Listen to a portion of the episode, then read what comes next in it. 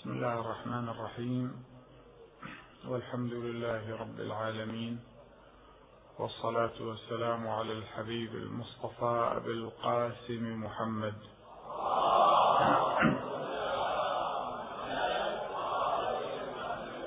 صلى الله عليه وآله الطيبين الطاهرين ولزينب نوح لفقد شقيقها. ولزينب نوح لفقد شقيقها. تدعوه يا ابن الزاكيات الركعي اليوم أصبغ في عزاك ملابسي سودا وأسكبها طلات الأدمع اليوم شبوا نارهم في منزلي وتناهبوا ما فيه حتى برقعي. اليوم قادوني بذل يا أخي. والسوط ألمني. وأطفالي معي. أنعم جوابا يا حسين أما ترى وشمر الخنايا بالسوط ألم أضلعي.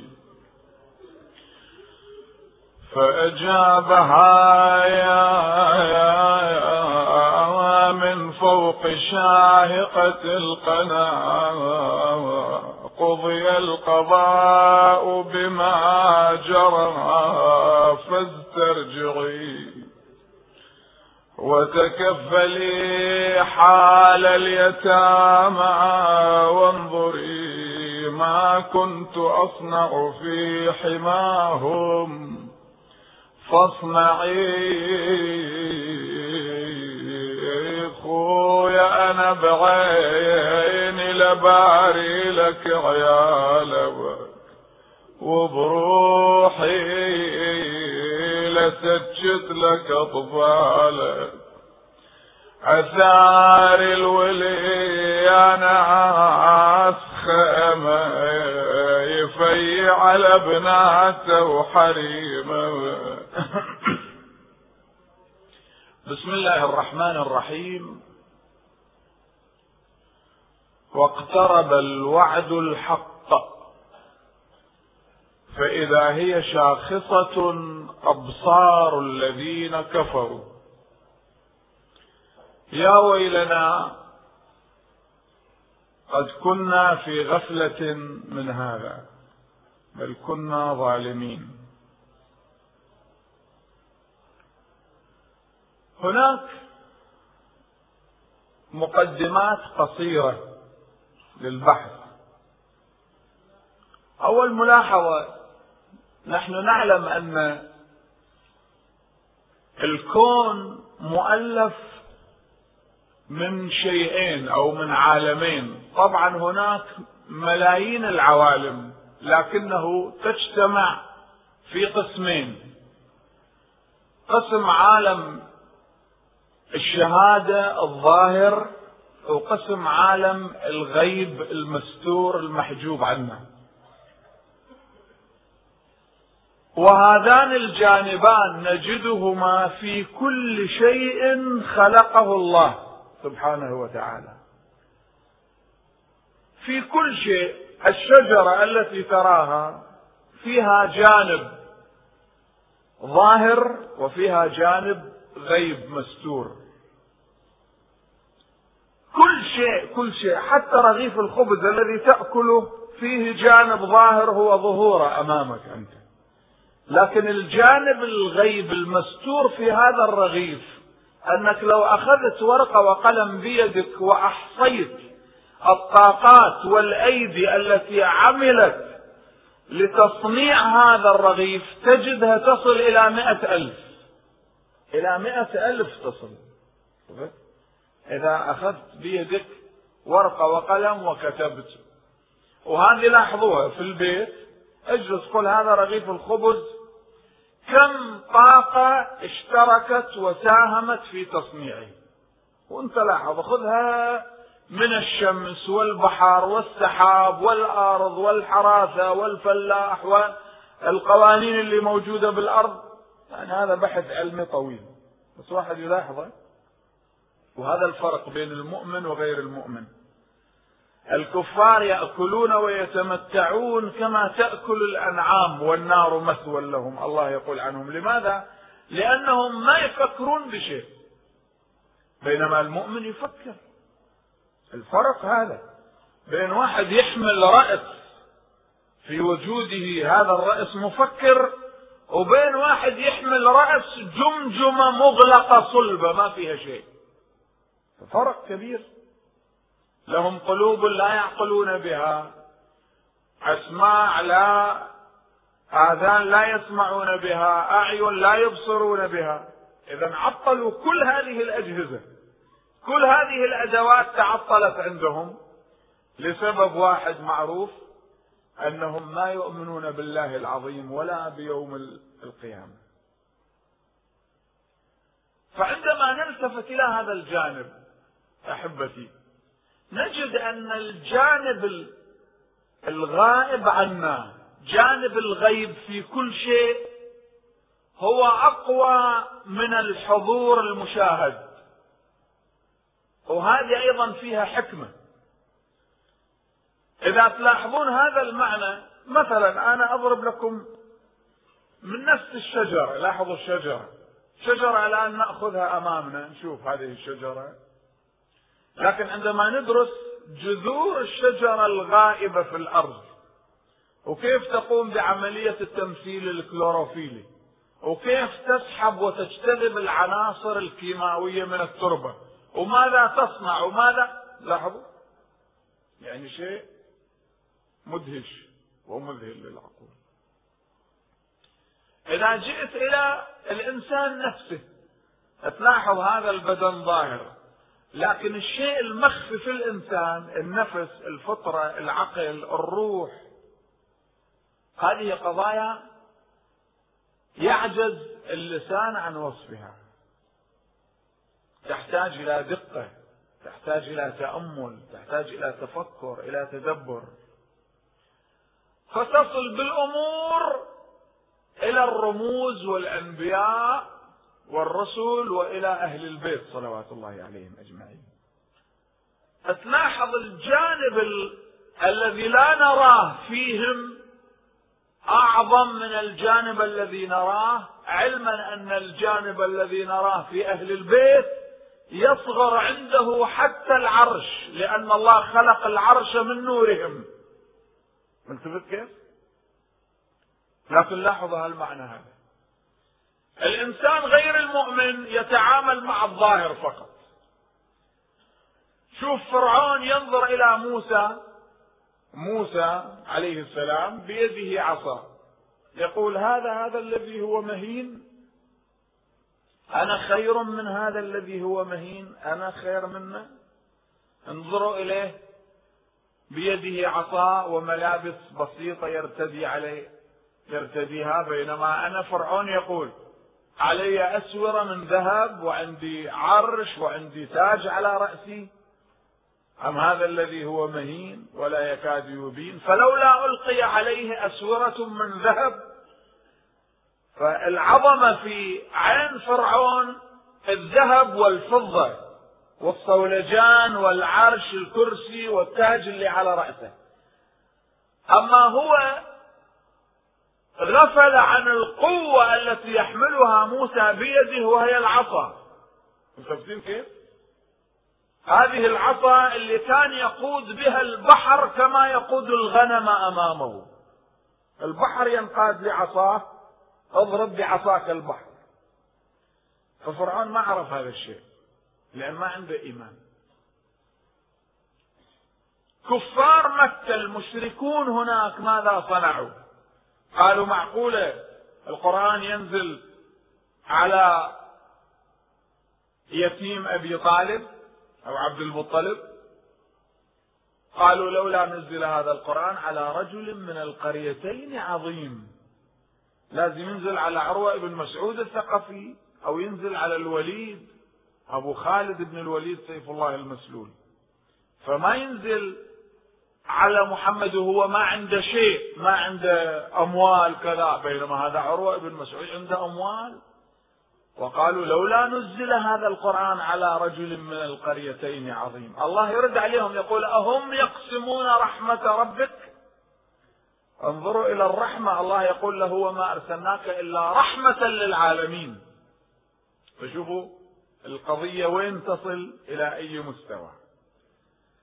الآن عندما نأتي إلى هذه الحقيقة ونراها شوف أهل البيت يركزون تركيز كبير على العمق أنك لاحظ الأعماق شوف. رسول الله صلى الله عليه وآله وسلم يقول إن الحسين بن علي في السماء أكبر منه في الأرض وإنه مكتوب عن يمين العرش إن الحسين مصباح الهدى وسفينة النجاة. هذا كلام. لاحظوا؟ الإمام أبو عبد الله الصادق سلام الله عليه يقول إن فاطمة الزهراء صديقة كبرى وعلى معرفتها دارت القرون الأولى. فمن عرف حق فاطمة فقد أدرك ليلة القدر. وهذا كلام إمام معصوم. يعني ما في أحد ممكن أن يدرك ليلة القدر. يدركها باستيعابها ويدركها بمعناها إلا بعد أن يعرف من هي فاطمة الزهراء. سلام الله عليها. إذا عرف فاطمة الآن لاحظ هذا طبعا بحث له علاقة بالإمام صاحب العصر والزمان. لأن ليلة القدر هي أعظم دليل على وجود الإمام صاحب العصر. ليلة القدر كل رمضان الآن رمضان أقبل وفيه ليلة قدر. والله يقول في ليلة القدر تنزل الملائكة والروح فيها ها بإذن ربهم من كل أمر وفيها يفرق كل أمر حكيم. فهل ليلة القدر رفعت أم أنها موجودة؟ لا موجودة. فعلى من تنزل الملائكة والروح في ليلة القدر الآن؟ بعد أسبوعين يدخل شهر رمضان. فعلى من تنزل الملائكة والروح؟ الأمر اللي تحمل الملائكة والروح هذا روح القدس يعني. عليه من ينزل؟ وإلا ليلة القدر رفعت بعد وفاة النبي. ما حد يستطيع أن يقول رفعت. فمن الذي يستحق أن يكون صاحب الأمر؟ من كل أمر فلا بد أن يكون له صاحب حتى تنزل عليه. فهذا أكبر دليل على وجود الإمام الحجة صلوات الله وسلامه عليه. ولذلك أهل البيت يقول بالنسبة للذي يخالف هذه العقيدة حاصروهم بليلة القدر بسورة القدر واسألوهم عنها. شو المعنى. إذا لاحظوا نحن نريد أن نعرف معرفة الوعد الحق. القرآن الكريم يقول واقترب الوعد الحق. فإذا هي شاخصة أبصار الذين كفروا. شوف المسألة من أين تأخذها. الله تبارك وتعالى خلق الأرض لكنه ما أوجد فيها أول ما أوجد في الأرض إنسان يعصي الله. أول شيء وجد في الأرض إنسان معصوم يطيع الله. فالخليفة أولا في الأرض قبل الناس.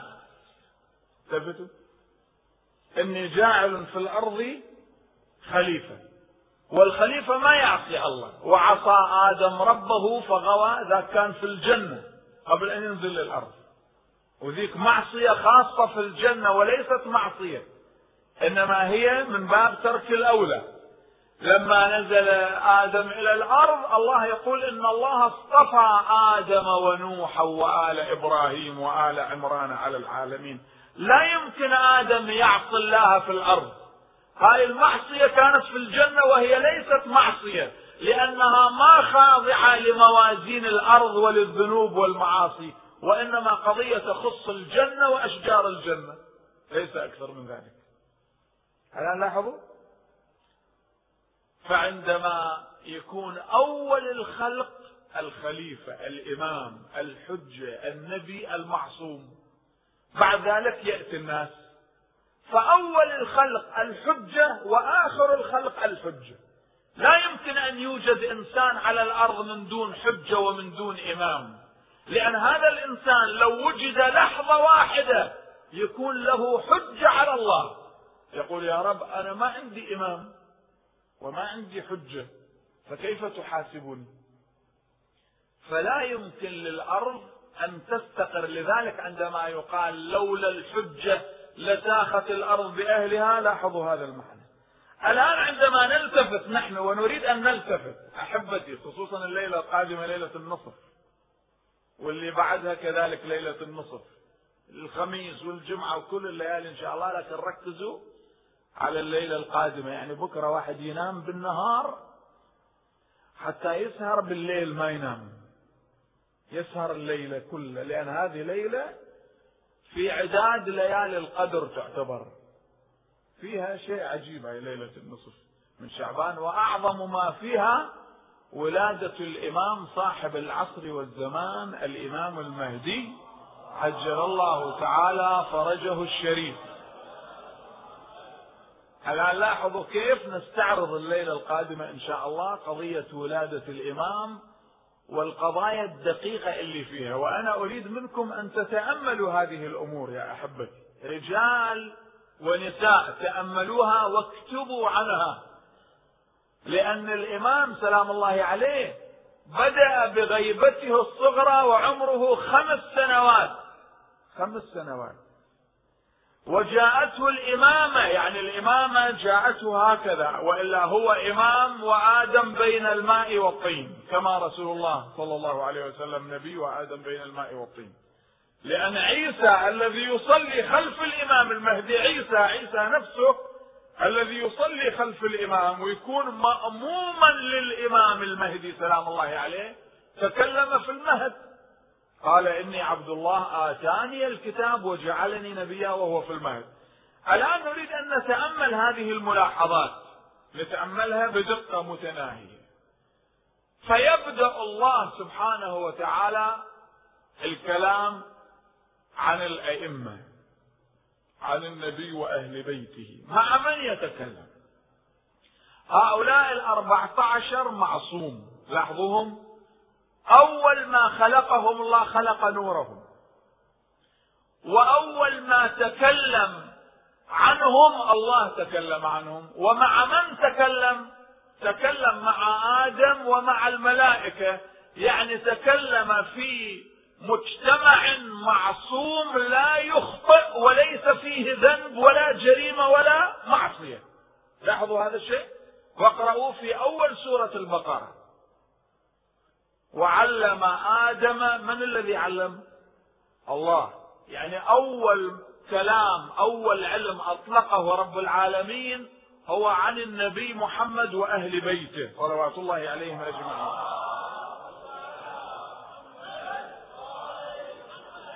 الله المتكلم السامع آدم وآدم معصوم يعني متكلم رب العالمين وآدم معصوم يستمع ومع آدم الملائكة أيضا تستمع. مجتمع ما فيهم من يعصي الله. معصية ما موجودة ذنب ما موجود. الكل معصومون طاهرون مطهرون. الله بدأ هكذا. قال وعلم آدم الأسماء كلها. الآن إذا تذهبون إلى تفسير غير أهل البيت تلاحظون المأساة هناك. أن الله علم آدم أسماء الأشياء. يعني قال له يا آدم هذا منبر هذه سماعة هذه كذا هذا جبل هذا بحر هذا ماء علم آدم هالشكل؟ هذه أرض. هذا الكلام صحيح؟ وعلم آدم الأسماء كلها. ممكن يدخل ضمن الأسماء لكن ليس هي الأسماء اللي يشير إليها لأنه يقول ثم عرضهم على الملائكة. فقال أنبئوني بأسماء هؤلاء إن كنتم صادقين. في تحدي للملائكة. وهل الله يتحدى الملائكة أن الملائكة ما يعرفون الأرض اسمها أرض؟ لأن الله عندما خلق آدم وقال للملائكة قبل خلق آدم وإذ قال ربك للملائكة إني جاعل في الأرض خليفة قالوا أتجعل فيها من يفسد فيها ويسفك الدماء؟ إذا الملائكة عارفين اسم الأرض صح ولا مو صحيح؟ ها؟ أتجعل فيها من يفسد فيها ويسفك الدماء ونحن نسبح بحمدك ونقدس لك؟ قال إني أعلم ما لا تعلمون. ثم هنا لاحظوا وعلم آدم الأسماء كلها. التعليم بدأ من هنا مع آدم. علمه الأسماء كلها. وتعليم الله لآدم الأسماء.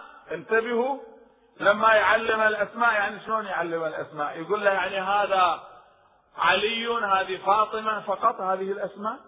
أنتم لاحظوا في سورة مريم.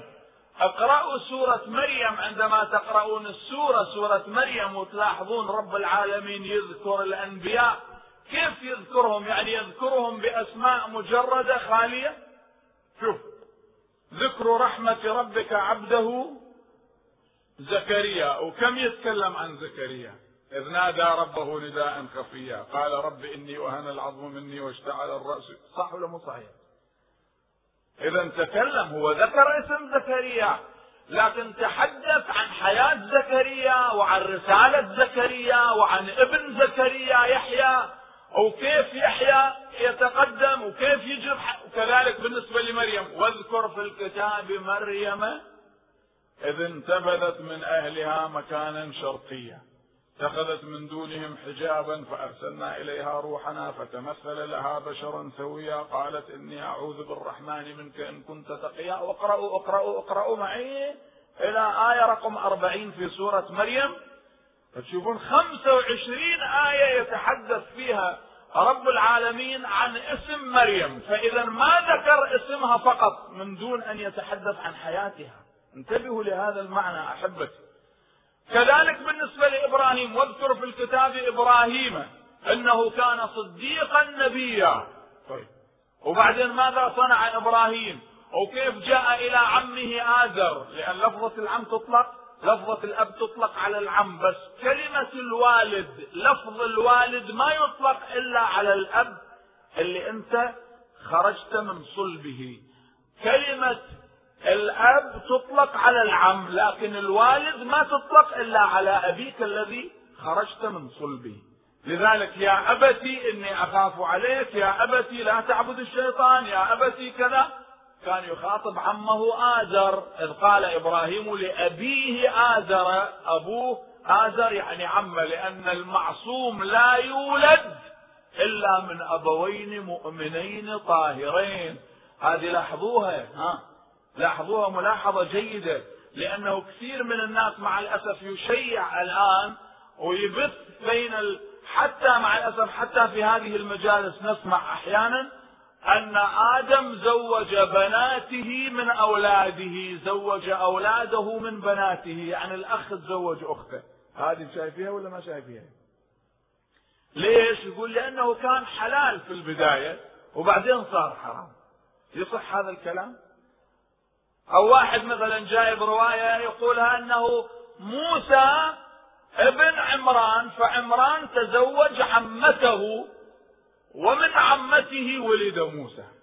يصح هذا التعبير هي العمة مثل الأم. عمة مثل الأم. شلون يتزوج عمته؟ وبعدين موسى يأتي والإمام الصادق سلام الله عليه في زيارة وارث يخاطب الإمام الحسين. سلام الله عليه. السلام عليك يا وارث موسى كليم الله. ويقول أشهد أنك كنت نورا في الأصلاب الشامخة والأرحام المطهرة. لم تنجسك الجاهلية بأنجاسها. وهل هناك دليل أعظم من هذه الأدلة؟ ثم لماذا يكون هذا المعنى؟ أهل البيت سلام الله عليهم ينفون هذه الأمور نفيا قاطعا. الأسرة تكونت هكذا. أولاد آدم موجودين فالله سبحانه وتعالى أنزل زوجات من الجنة أو خلق لهم زوجات كما خلق حواء. فتزوجوا كل واحد تزوج هذا صارت عنده بنت وهذا صار عنده ولد فابن العم تزوج بنت العم. هذا كلام أهل البيت. ومن هناك تناسلت البشرية. أما أنه الأخوات تزوج أو الإخوان تزوج بعضهم بعضا فهذا هو الكفر والفجور بعينه. انتبهوا يا أحبتي هذا ضرب لقدسية أهل البيت وضرب لآية التطهير وضرب للقرآن الكريم لأن هؤلاء آباء أهل البيت. الرسول وأهل البيت أنوارهم كانت تتقلب في أصلاب هؤلاء الأنبياء. فكيف كان هؤلاء الأنبياء هكذا؟ يا أحبتي الأمور هذه لازم نلاحظها. طيب لذلك لما يقول وعلم آدم الأسماء كلها يعني أسماء أهل البيت سلام الله عليهم أجمعين لكن ما علم آدم فقط أسماء 14 معصوم وانتهى الأمر. لا وإنما عندما يتحدث مع آدم عن الزهراء سلام الله عليها يبين لآدم وللملائكة من هي فاطمة الزهراء. عندما يتحدث مع آدم عن الإمام الحسين يبين له حتى واقعة الطف ويبين له الذين يبكون على الحسين. يعني كلكم أنتم رجال ونساء اللي تحضرون مجالس الحسين أسماءكم وشخصياتكم عرضها الله على آدم وعلى الأنبياء.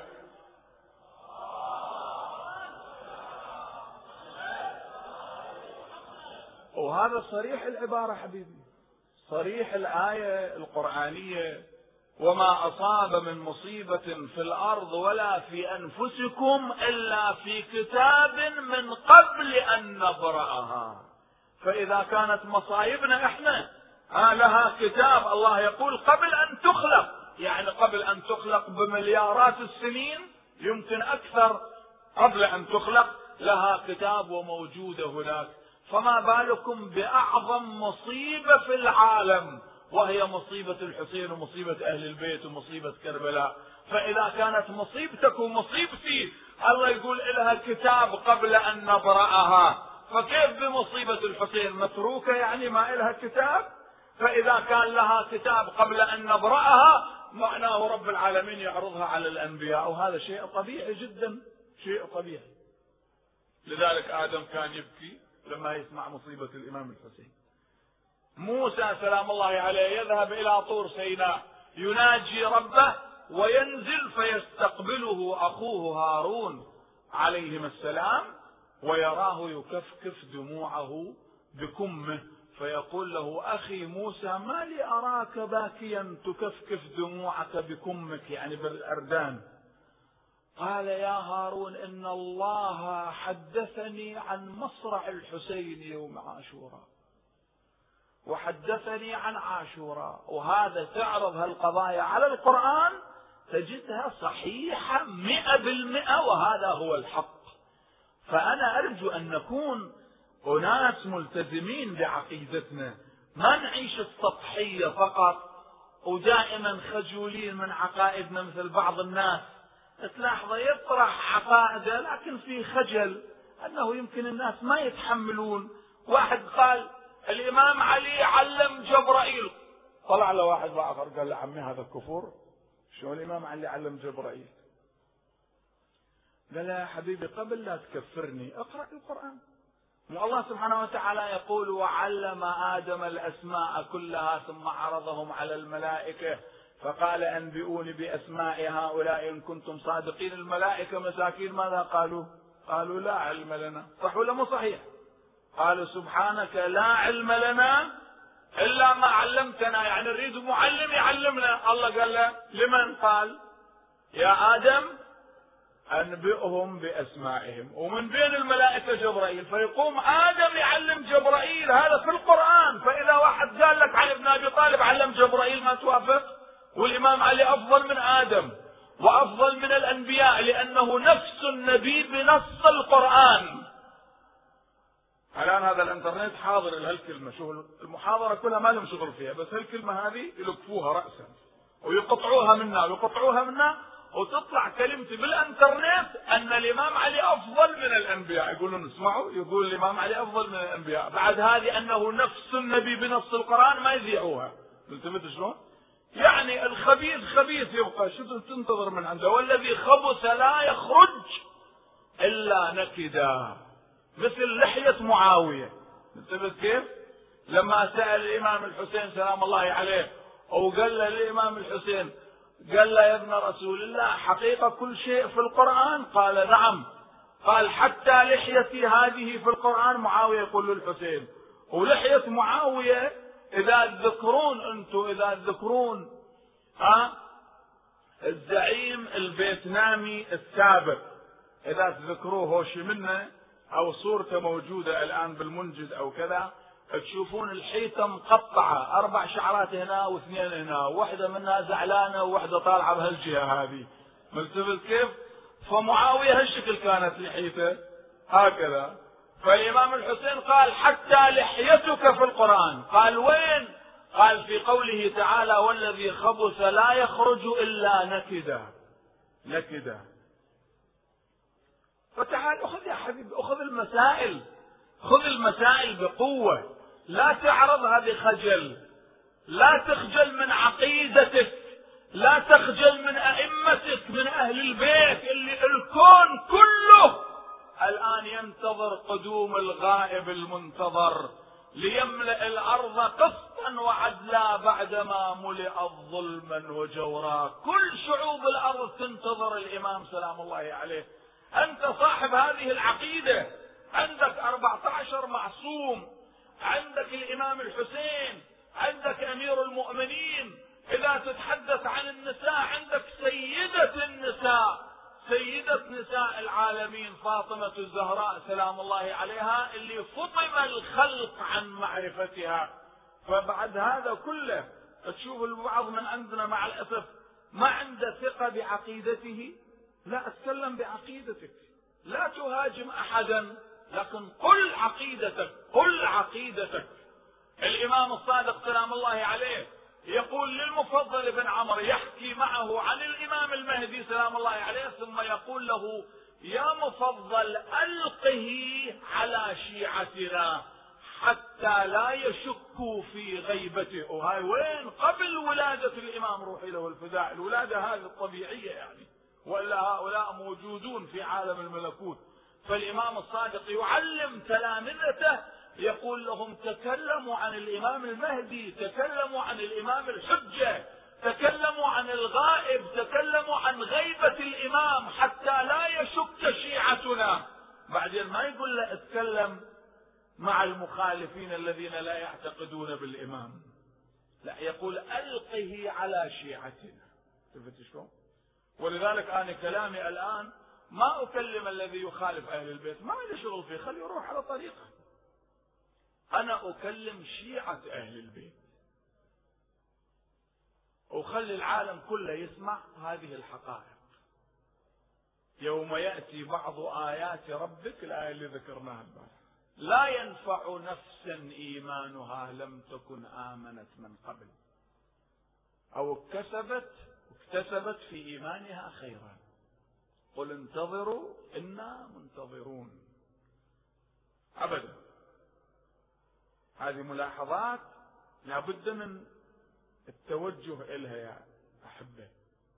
شوف الإمام أمير المؤمنين عندما يتحدث عن يوم المباهلة وهذا حديثه موجود في نهج البلاغة وموجود في الكتب الأربعة وموجود في البحار وأهل البيت عندما يتحدثون عن هذا المعنى بالذات لاحظوا ماذا تعني أنه يخرج رسول الله صلى الله عليه وآله وسلم يوم المباهلة يوم الاثنين بين الطلوعين؟ وقت المباهلة هذا الاثنين بين الطلوعين طلوع الفجر وطلوع الشمس.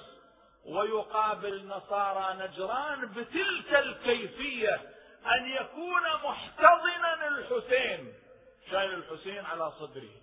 والإمام الحسين سلام الله عليه كان في سن في عمر يؤهله أن يمشي مع جده رسول الله. لكن الرسول حمل الحسين على صدره.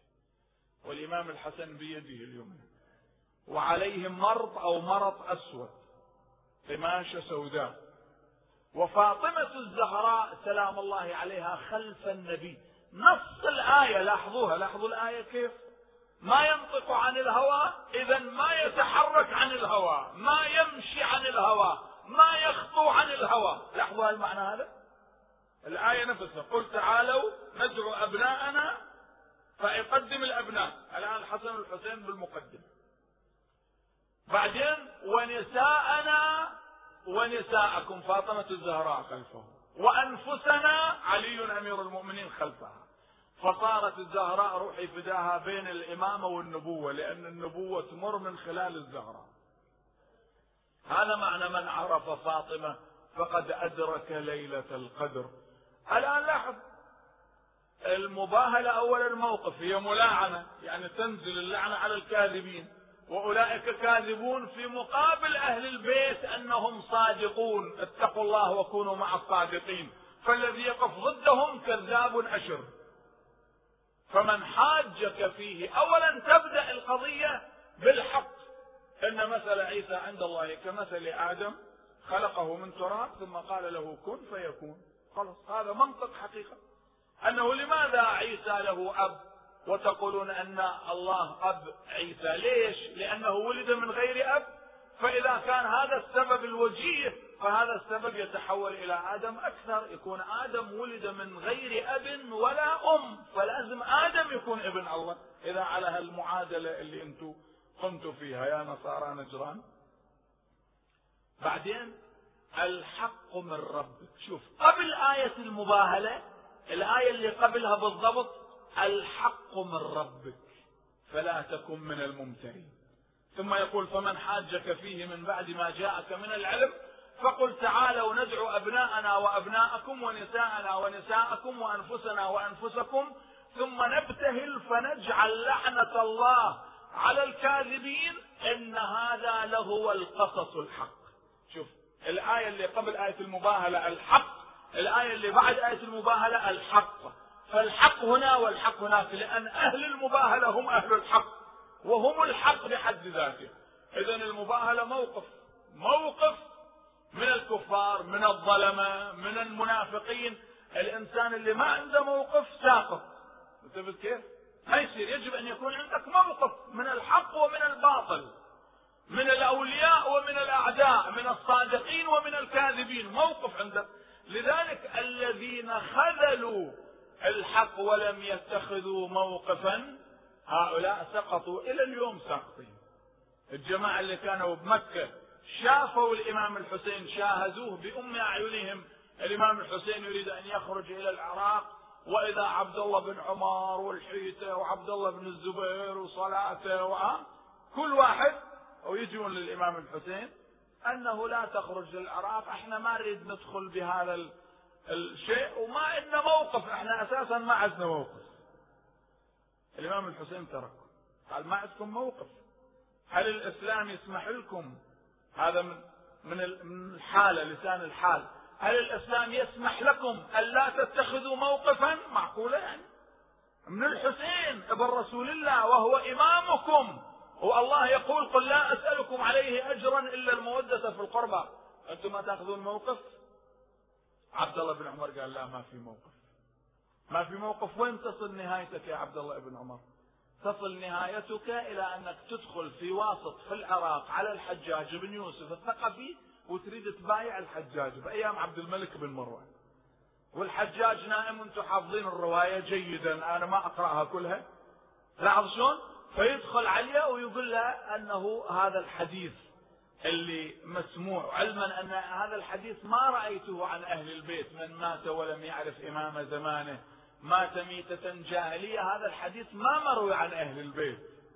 الحديث مروي من طرق أخرى لكنه في مشابه له يعني أهل البيت يقولون روحي لهم الفداء. أبو جعفر الباقر سلام الله عليه يقول من دان الله بعبادة يجهد فيها نفسه وليس له إمام من الله فسعيه غير مقبول وهو ضال متحير.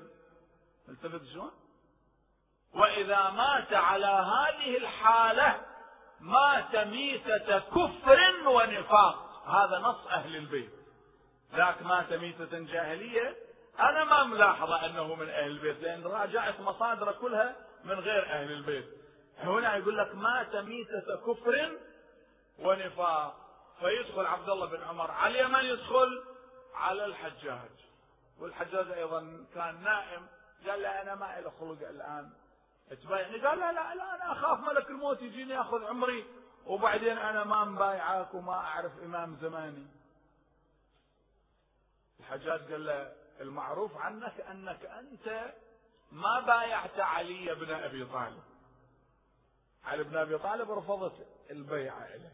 كذلك أولاد علي ما بايعتهم. الحجاج ليس حبا بعلي إنما يريد أن ينضل هذا ويلقي عليه الحجة. فالآن ما عارف أحد بالعالم إلا جاي عندي تريد تبايعني؟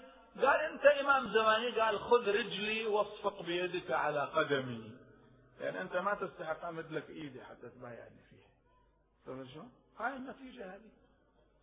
فما ممكن للإنسان أن ما يكون يعيش بلا موقف. إذا المباهلة موقف. بعد ذلك لاحظوا. هنا. واقترب الوعد الحق. ووالله اقترب الوعد الحق. شوف المسألة وين تأتي. الرسول صلى الله عليه وسلم وهو خارج وطالع إلى نصارى نجران لمباهلتهم ولمواجهتهم ومعه أهل بيته. الآن لاحظوا قوة الإسلام وقوة النور وقوة الإيمان في أهل البيت. هذه القوة الموجودة في القرآن الكريم لو أنزلنا هذا القرآن على جبل لرأيته خاشعا متصدعا من خشية الله هذه القوة موجودة عند أهل البيت. صح ولا مو صحيح؟ لأنهم عدلوا القرآن. إني تارك فيكم الثقلين كتاب الله وعترتي أهل بيتي. فلاحظ هذا رئيس سبحان الله يعني هذه القوة والنور لا يحجبه حاجب أبدا. لا الحواجب والح... لا الحجب المادية ولا الموانع المعنوية تحجبه نهائيا. المعنوية تعرفها شنو؟ حجاب المادي يعني هذا الملابس الكذا أي شيء. المعنوي اللي في القلب الحقد البغض العداء هذا حاجب معنوي مع ذلك ما يحجب. الآن هؤلاء نصارى لكن لما نظروا صاح رئيسهم يا معشر النصارى إني لأرى وجوها لو أقسمت على الله أن يزيل جبلا من مكانه لأزاله فتقرؤون الآية لو أنزلنا هذا القرآن على جبل لرأيته خاشعا متصدعا من خشية الله نفس القوة موجودة هنا وحتى النور هكذا. ولذلك يوم العاشر من المحرم لما اجى هذا اللعين لقتل الإمام الحسين سلام الله على الحسين نور الإمام الحسين ما استطاع أحد أن يحجب عنه. لا الشمس ولا التراب ولا الدماء ولا كل شيء. ولا الحاجب المعنوي. والمانع المعنوي أن هذا عدو للحسين ولأهل البيت. قال والله لقد شغلني نور وجهه عن الفكرة في قتله. فهذا النور يا أحبتي اللي ما يخفى على أحد. الله نور السماوات والأرض. يقول مثل نوره كمشكاة فيها مصباح. مثل نوره. الإمام الحسن سلام الله عليه لما يتحدث مع أبنائه ومع إخوته يقول كونوا مصابيح الهدى فإن ضوء النهار بعضه أو بعضه أضوأ من بعض. كونوا مصابيح الهدى فإن ضوء النهار يمكن تقول بعضه أضوأ من بعض هاي قضية علمية دقيقة جدا جدا دقيقة. كأنما الضوء والنور له أحجام كل واحد بقدر حجمه يأخذ من النور. أنزل من السماء ماء فسالت أودية بقدرها.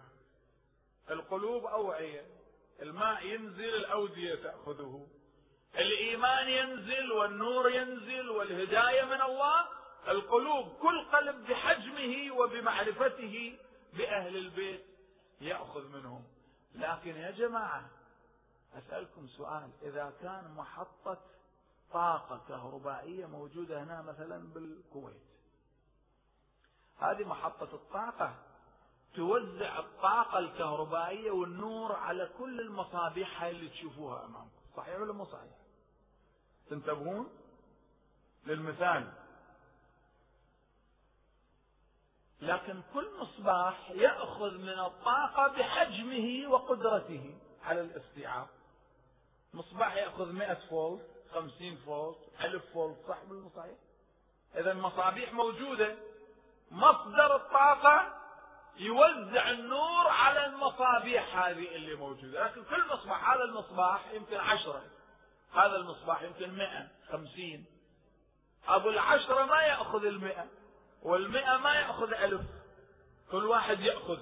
إلى أن تحصل مصباح كبير عميق بحيث يستوعب هذه الطاقة اللي تصدر من المحطة الكهربائية كلها.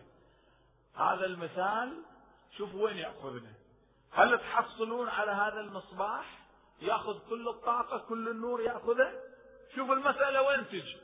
ومنين تأخذها هنا هذا مثال مادي يا حبتي مثال مادي أحبابي.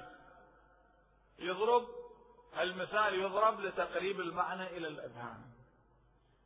لتقريب المعنى إلى الأذهان. الله يقول عن نوره يقول الله نور السماوات والأرض. فتأملوا هذا النور.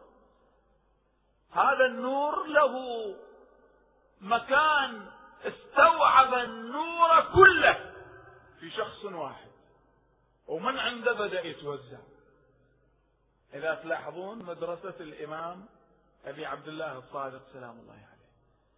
يقول الله نور السماوات والأرض الله ليس هو النور إنما يخلق النور. هذا مثال. مثل نوره كمشكاة.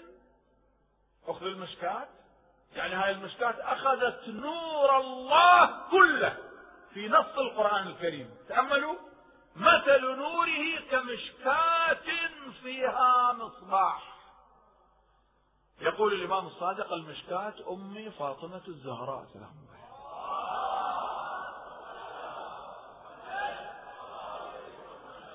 الآن هذا يحتاج إلى تأمل أكثر. لا لا عندي عندي هاي عندي. موجود. يحتاج إلى تأمل. حبيبي أنت.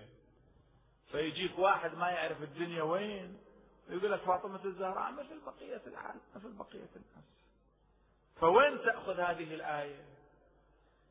ولا يعلم تأويله إلا الله والراسخون في العلم والراسخون في العلم هم أهل البيت. فمثل نوره كمشكاة مثل الله ضارب مثل الله ليس هو نور الله يخلق النور. لكن يقول الله نور السماوات والأرض مثل نوره كمشكاة فيها مصباح الإمام الحسن.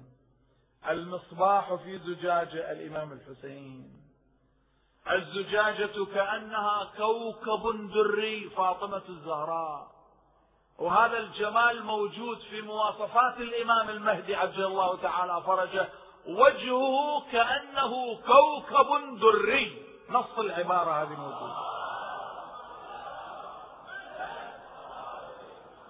فهذا الإمام لذلك لما يتحدث الرسول صلى الله عليه وسلم عن الإمام المهدي يقول المهدي من عترتي من ولد فاطمة.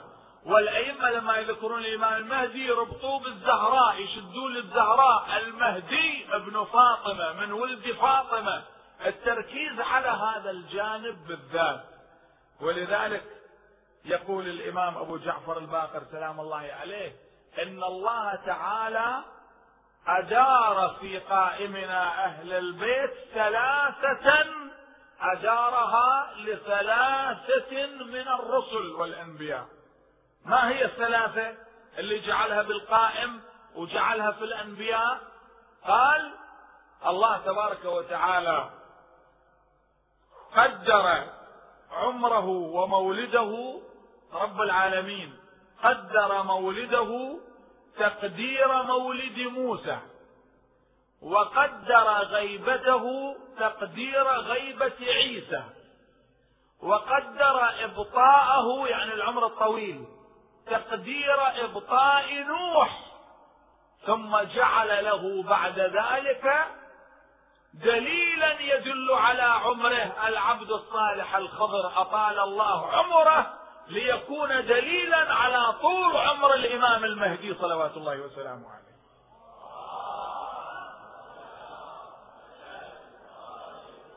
وإلا الخضر لا نبي. هو الإمام الصادق يقول في الكافي هاي الرواية موجودة. لم يكن نبيا ولا إماما ولا رسولا ولا نزل عليه كتاب ولا عند شريعة تنسخ الشرائع ولا هو إمام يقتدى به. يقول إنما جعل الله عمره طويلا ليكون دليلا على طول عمر قائمنا. أهل البيت صلوات الله عليهم أجمعين. هذه الأمور يا أحبتي. فإذا خرج روحي فداه واقترب الوعد الحق. فإذا هي شاخصة أبصار الذين كفروا. الوعد. ممكن أمامنا أيام إحنا كثيرة لكن هناك ثلاثة أيام من أشد الأيام. كما هناك ثلاثة ثلاث ساعات للإنسان فهناك ثلاثة أيام في طريقنا. ثلاث ساعات تمر بابن آدم. ساعة يولد من بطن أمه وينزل إلى الأرض يبكي. وساعة يوضع في قبره ويستوحش تلك ليلة الوحشة اللي ناسينها الناس ما حد يفكر بالقبر. كأنما القبور لغيرنا وليس لنا. تعرف كيف؟ وساعة يقف بين يدي الله وهذه الساعات من أشد الساعات. ثلاث ساعات أشد مرارة على ابن آدم وأمامنا ثلاثة أيام. ثلاثة أيام. الآن واحد يقول يوم القيامة ممكن يقع؟ ما تعرف بأي لحظة؟ لا أنا أعرف أنه ما راح يقع يوم القيامة. يوم القيامة بينك وبينه أمد بعيد. لماذا؟ لأن عندك العقيدة. أول يوم عندك يوم ظهور الإمام صاحب العصر والزمان.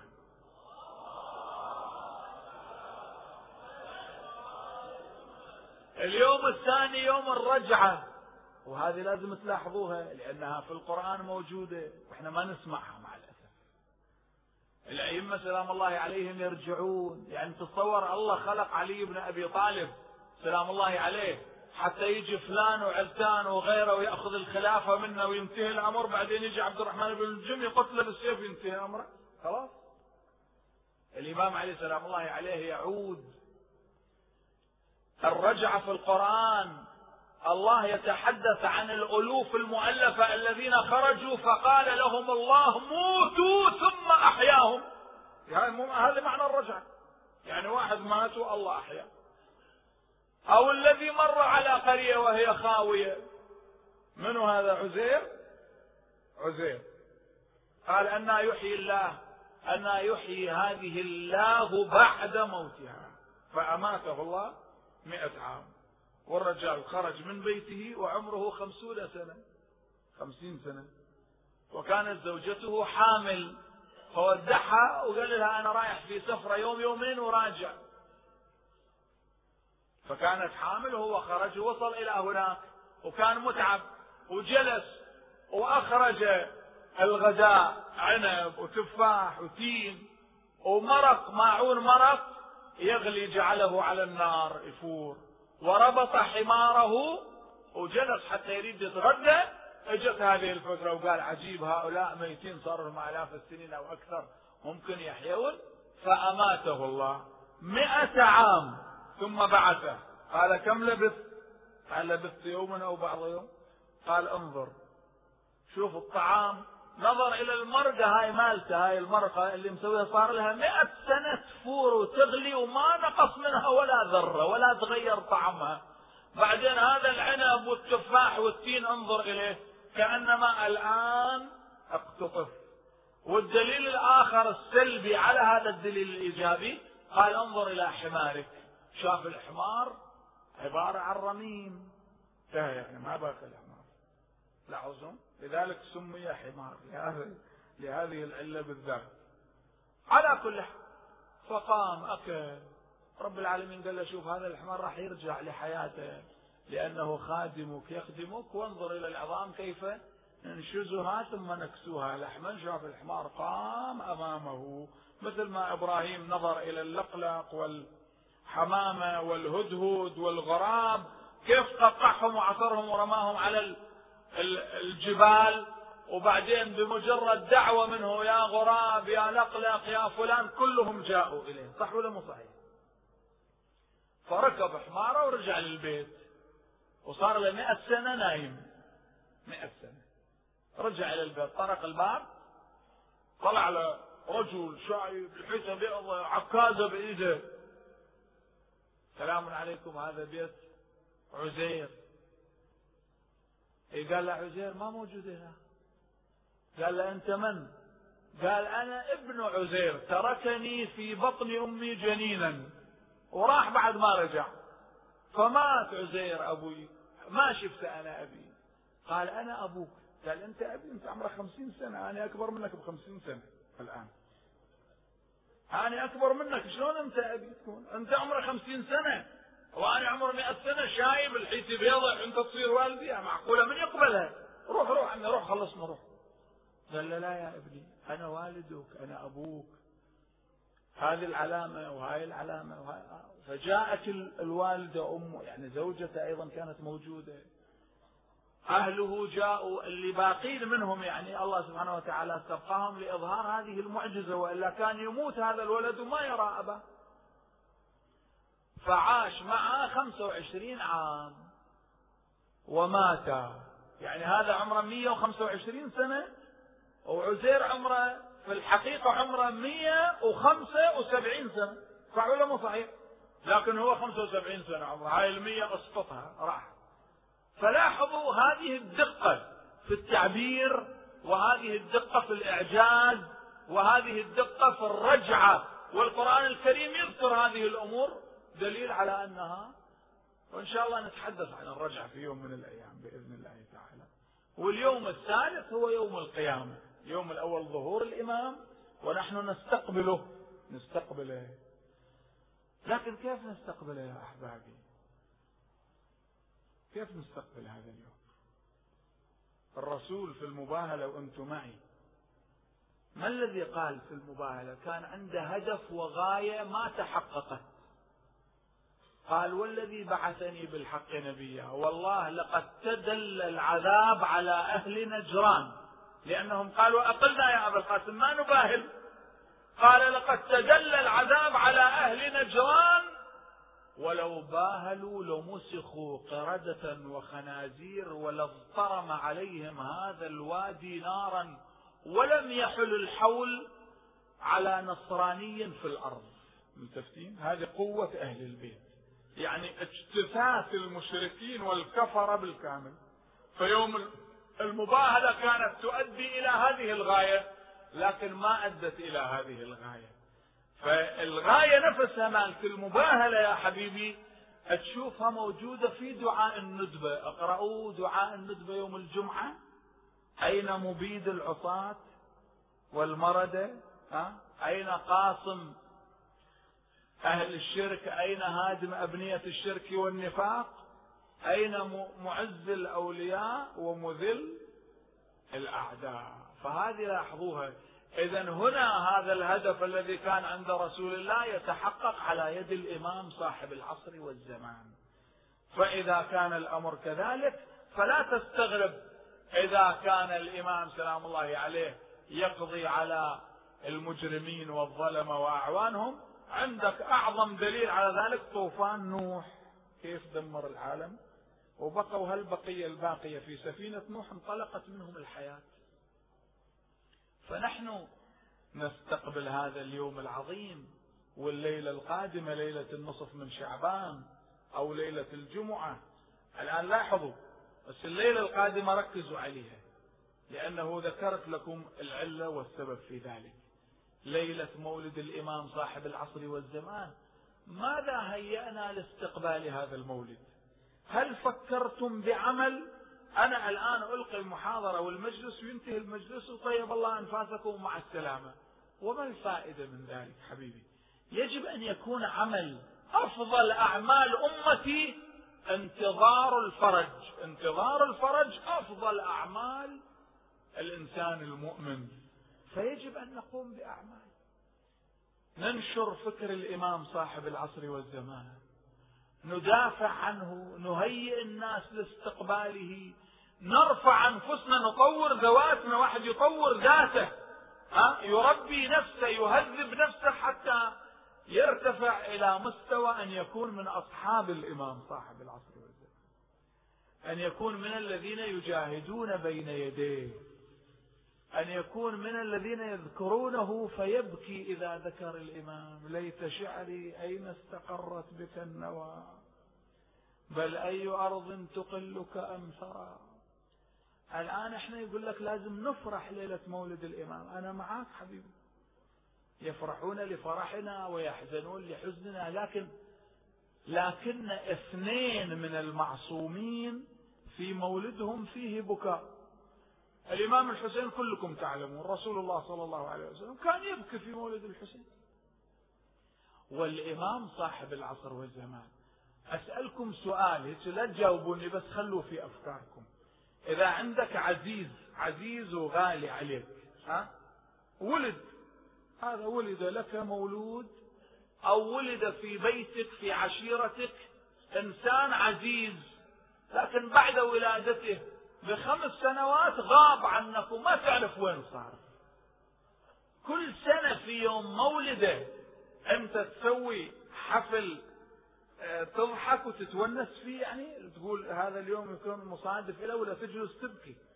يوم مولده لأنه غاب عنك لما غاب عنك في كل سنة في يوم مولده لازم تبكي عليه. صح ولا مو صحيح؟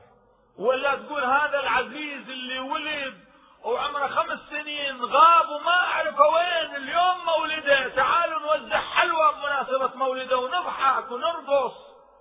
لا هذا الكلام ما مقبول. أي واحد؟ أنا شايف امرأة كانت في مكان بالسيدة زينب في مكان عندها طفلة صغيرة. الله يحفظ أولاد الجميع. الله يحفظ أولاد الجميع. فضاعت هذه الطفلة.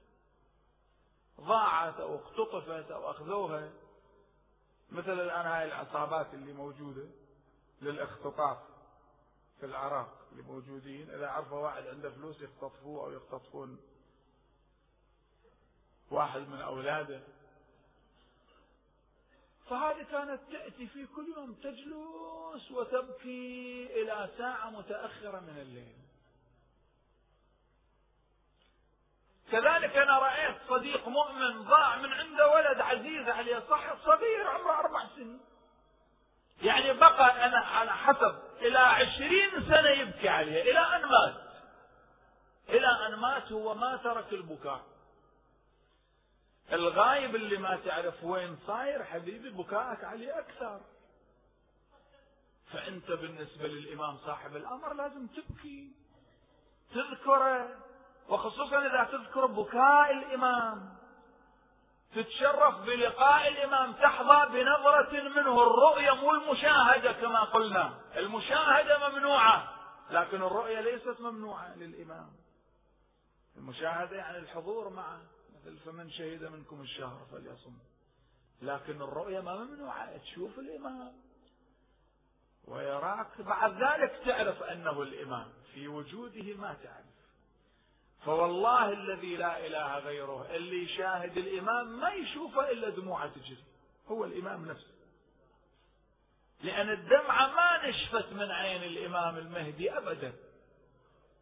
شوف هو يقول يقول لأندبنك عن الإمام الحسين يقول لأندبنك صباحا ومساء. ولأبكين عليك بدل الدموع دما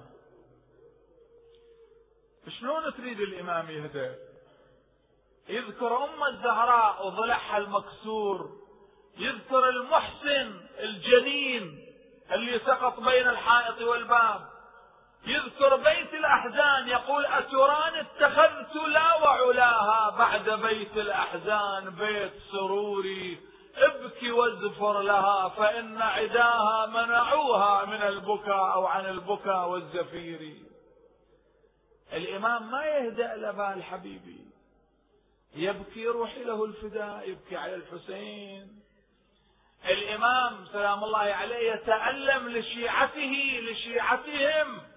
إذا يحزنون إذا شافوا الشيعة في ألم والموالين في العالم اليوم في ألم وحزن فيتأثر الإمام. لذلك أنت عندما تتعامل مع الإمام تعامل معه من هالمنطلق. شوف حالة الخشوع تكون في نفسك. تسلم عليه. لما تسلم عليه أقسم عليك بحق أمك فاطمة. تشوفه يحضر المجالس بأبي وأمي. يسمع القراية يا حبيبي. أو يبكي معنا. أما الموسم فيحضره قطعا. الموسم بالحج يحضر. وهنيئا وطوبى لمن لقيه طوبى لمن رآه طوبى لمن قال عنه وقال فيه. هذه طوبى للإنسان. تعطي صدقة مثلا كل يوم تطلع الصبح قبل أن تعطي صدقة عنك وعن أولادك ادفع صدقة عن الإمام صاحب العصر والزمان. والله تحس النهار كله أنت في حالة من التوجه والخشوع والنجاح والتوفيق في كل أعمالك في كل أعمالك. لأنك مرتبط مع إمام معك لكنك ما تشوف. ليت شعري أين استقرت بك النوى. أنا البارحة ذكرت لكم الشيخ الكعبي الله يرحمه شلون كان. يقول هذا السيد الجليل أقبل عليه بصحن الحسين يقول له أقرأ لي قصيدة ابن العرندس. فيقرأ طوايا نظامي في الزمان لها نشر والسيد يون ويبكي. إلى أن يصل أيقتل ظمآنا حسين بكربلاء. فارتفع صوته ونادى أيقتل ضمانا أيقتل ضمانا الشيخ الكعبي رحمة الله عليه يقول أنا توقفت وإذا سيدي يلح علي يقول لي يا شيخ استمر استمر لا تتوقف. أنا هاي لاحظتها لذلك أريد أذكرها الآن البارحة ما ذكرتها هنا يقول له الشيخ عبد الزهر يقول له استمر. لكن سيد حيدر لما يقرأ القصيدة ويوصل إلى الطفل الرضيع الإمام يقول له لا تكمل يا سيد حيدر لا تكمل. فهذه مصائبهم يا حبيبي. هذه مصائبهم. يعني تشوف زيارة الإمام الحسين تحضر هنا وتشوف الإمام روحي له الفداء بأي حال لما ينظر إلى هذه المآسي والمصائب واللواعج والأشجان أو ينظر إلى قبر أمه الزهراء وهو المسؤول عن قبرها الآن لأنه عندما يظهر يظهر قبرها. وإلا إلى الآن قبر الزهراء محفي ومخفي وكسرها وكسر ضلعها وإسقاط الجنين المحسن. لا إله إلا الله لا إله إلا الله. كل ما أريد أطلع من هالجانب أشوف نفسي رايح للزهراء ما أعرف ليش. أشوف نفسي رايح لها روحي لها الفداء. تقول أسماء جاءت الزهراء سلام الله عليها غسلت رأس الحسن والحسين ألبستهما ثيابهما وقالت لهما اخرجا مع أبيكما علي في يوم وفاتها. اجتمعت بالإمام أمير المؤمنين قالت يا ابن العم إنه نعيت إلي نفسي أني مفارقتكم وعندي وصايا أود أن أوصيك بها. قال لها أمير المؤمنين أوصي بما أحببت تجديني وفيا أمضي كل ما أمرتيني به وأختار أمرك على أمري. وإذا بها تقول أبا الحسن ما عهدتني كاذب ولا خائنا. ولا خالفتك منذ عاشرتني. قال معاذ الله أنت أبر بالله وأعلم وأتقى وأشد خوفا من أن أوبخك بمخالفتي وقد عز علي فقدك ومفارقتك. إلا أنه أمر لا بد منه والله لقد جددت علي مصيبة رسول الله وعظمت علي وفاتك وفقدك.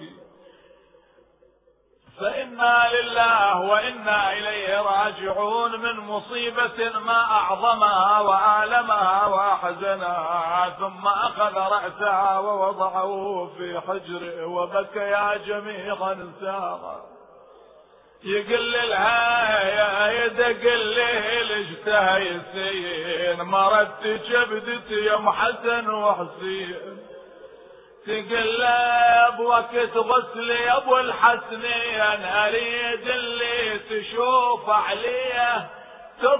تصبير وتراني طاهرة ولو غسلتني أريدك لا تجس ضلعي يومتني أخاف يذوب قلبك لو شفتني وخل ثوبي علي ليتوخر وبعد ونعشي يا ابن عمي من تشيله. نص الليالي أريد يصير شيله. خرج الإمام إلى المسجد تقول اسماء قامت الزهراء غسلت رأس الحسن والحسين ألبستهما ثيابهما. قالت لهما اخرجا خلف أبيكما علي. فخرجا إلى المسجد. تقول أسماء قالت فاطمة يا أسماء أنا داخله في حجرتي لأصلي وردي ونوافلي. إذا انقطع صوتي عليك ناديني إن أجبتك وإلا فاعلمي بأني لاحق بأبي رسول الله. صلى الله عليه وآله وسلم تقول اسماء دخلت فاطمة إلى الحجرة. بينما أنا أسمع صوتها بتلاوة القرآن. اذ انقطع صوت فاطمة. ناديتها يا زهراء ما أجابت يا أم الحسن والحسين لم تجبني ها دخلت عليها الحجرة وإذا بفاطمة ممددة نحو القبلة والرداء على وجهها. يا قلب ذوب وهل يا دمعي على الماتة وتصرخ يا ضلعي. بينما أنا كذلك وإذا بالحسن والحسين أقبلا من المسجد فتحت الباب لهما. اسمع أين أمنا فاطمة؟ قلت لهما سيدي إن أمكما نائمه هذا طبق من الطعام وضعته بين يديهما. كلا يا قرة عيني رسول الله. تقول أطرقا برأسيهما إلى الأرض. اسمع وما يليم أمنا في هذا الوقت. ليس من طبعها ولا من سجيتها أن تنام هذا الوقت. قلت لهما كلا من هذا الطعام. الحسين يقول اسمع من أين علمت أننا نأكل وليست معنا أمنا الزهراء؟ فقام الحسين إلى الحجره جلس عند رأس أمه فاطمة. يعانقها ويقبلها ويقول أماه كلميني أنا عزيزك الحسين. تقول اسماء والله لقد كسر خاطري الحسين رأيته منحنيا يقبل أقدام أمه فاطمة. والإمام الحسن كذلك خرج إلى المسجد في بكاء ونحيب استقبلهما الأصحاب. هاي المصيبة دائما أقرأها لقضاء الحوائج ها؟ ما يبكيكما يا قرة عيني رسول الله لعلكما تذكرتما مصاب جدكما رسول الله. قالا لا اوليس قد ماتت أمنا فاطمة. بسم الله الرحمن الرحيم. أمن يجيب المضطر إذا دعاه ويكشف السوء أمن يجيب المضطر إذا دعاه ويكشف السوء لا تنسون الأسئلة حضروا الأقلام الله يبارك فيكم. أمن يجيب المضطر إذا دعاه ويكشف السوء أمن يجيب المضطر إذا دعاه ويكشف السوء أمن يجيب المضطر إذا دعاه ويكشف السوء. باسمك العظيم الأعظم الأعز الأجل الأكرم يا الله! يا الله يا الله يا الله يا الله يا الله يا مجيب دعوة المضطرين. نقسم عليك بأحب الخلق إليك محمد وعلي وفاطمة والحسن والحسين والتسعة المعصومين من ولد الحسين. فرج عنا يا الله. فرجا عاجلا قريبا كلمح البصر أو هو أقرب من ذلك. الأسئلة الثلاثة أحباء هنا يوزعون الشباب كل يوم كتاب عن الإمام المهدي يختلف عن الليلة التي سبقت. كل ليلة كتاب نوع خاص وهذا أيضا يعني مائدة فكرية. الأسئلة الثلاثة السؤال الأول هي هذه الأسئلة لإثارة عقولنا أحبابي. السؤال الأول اكتبوا حتى على هذا الكتاب اللي عندكم. السؤال الأول للإمام غيبتان. غيبة صغرى وغيبة كبرى. فمتى بدأت الغيبة الصغرى ومتى بدأت الغيبة الكبرى؟ وهذه عليها جائزة كبيرة. وجائزة تجي باسم الإمام سلام الله عليه كثير عظيمة بالنسبة لكم. بعد ذلك السؤال الثاني. كان هناك نواب أربعة للإمام سلام الله عليه.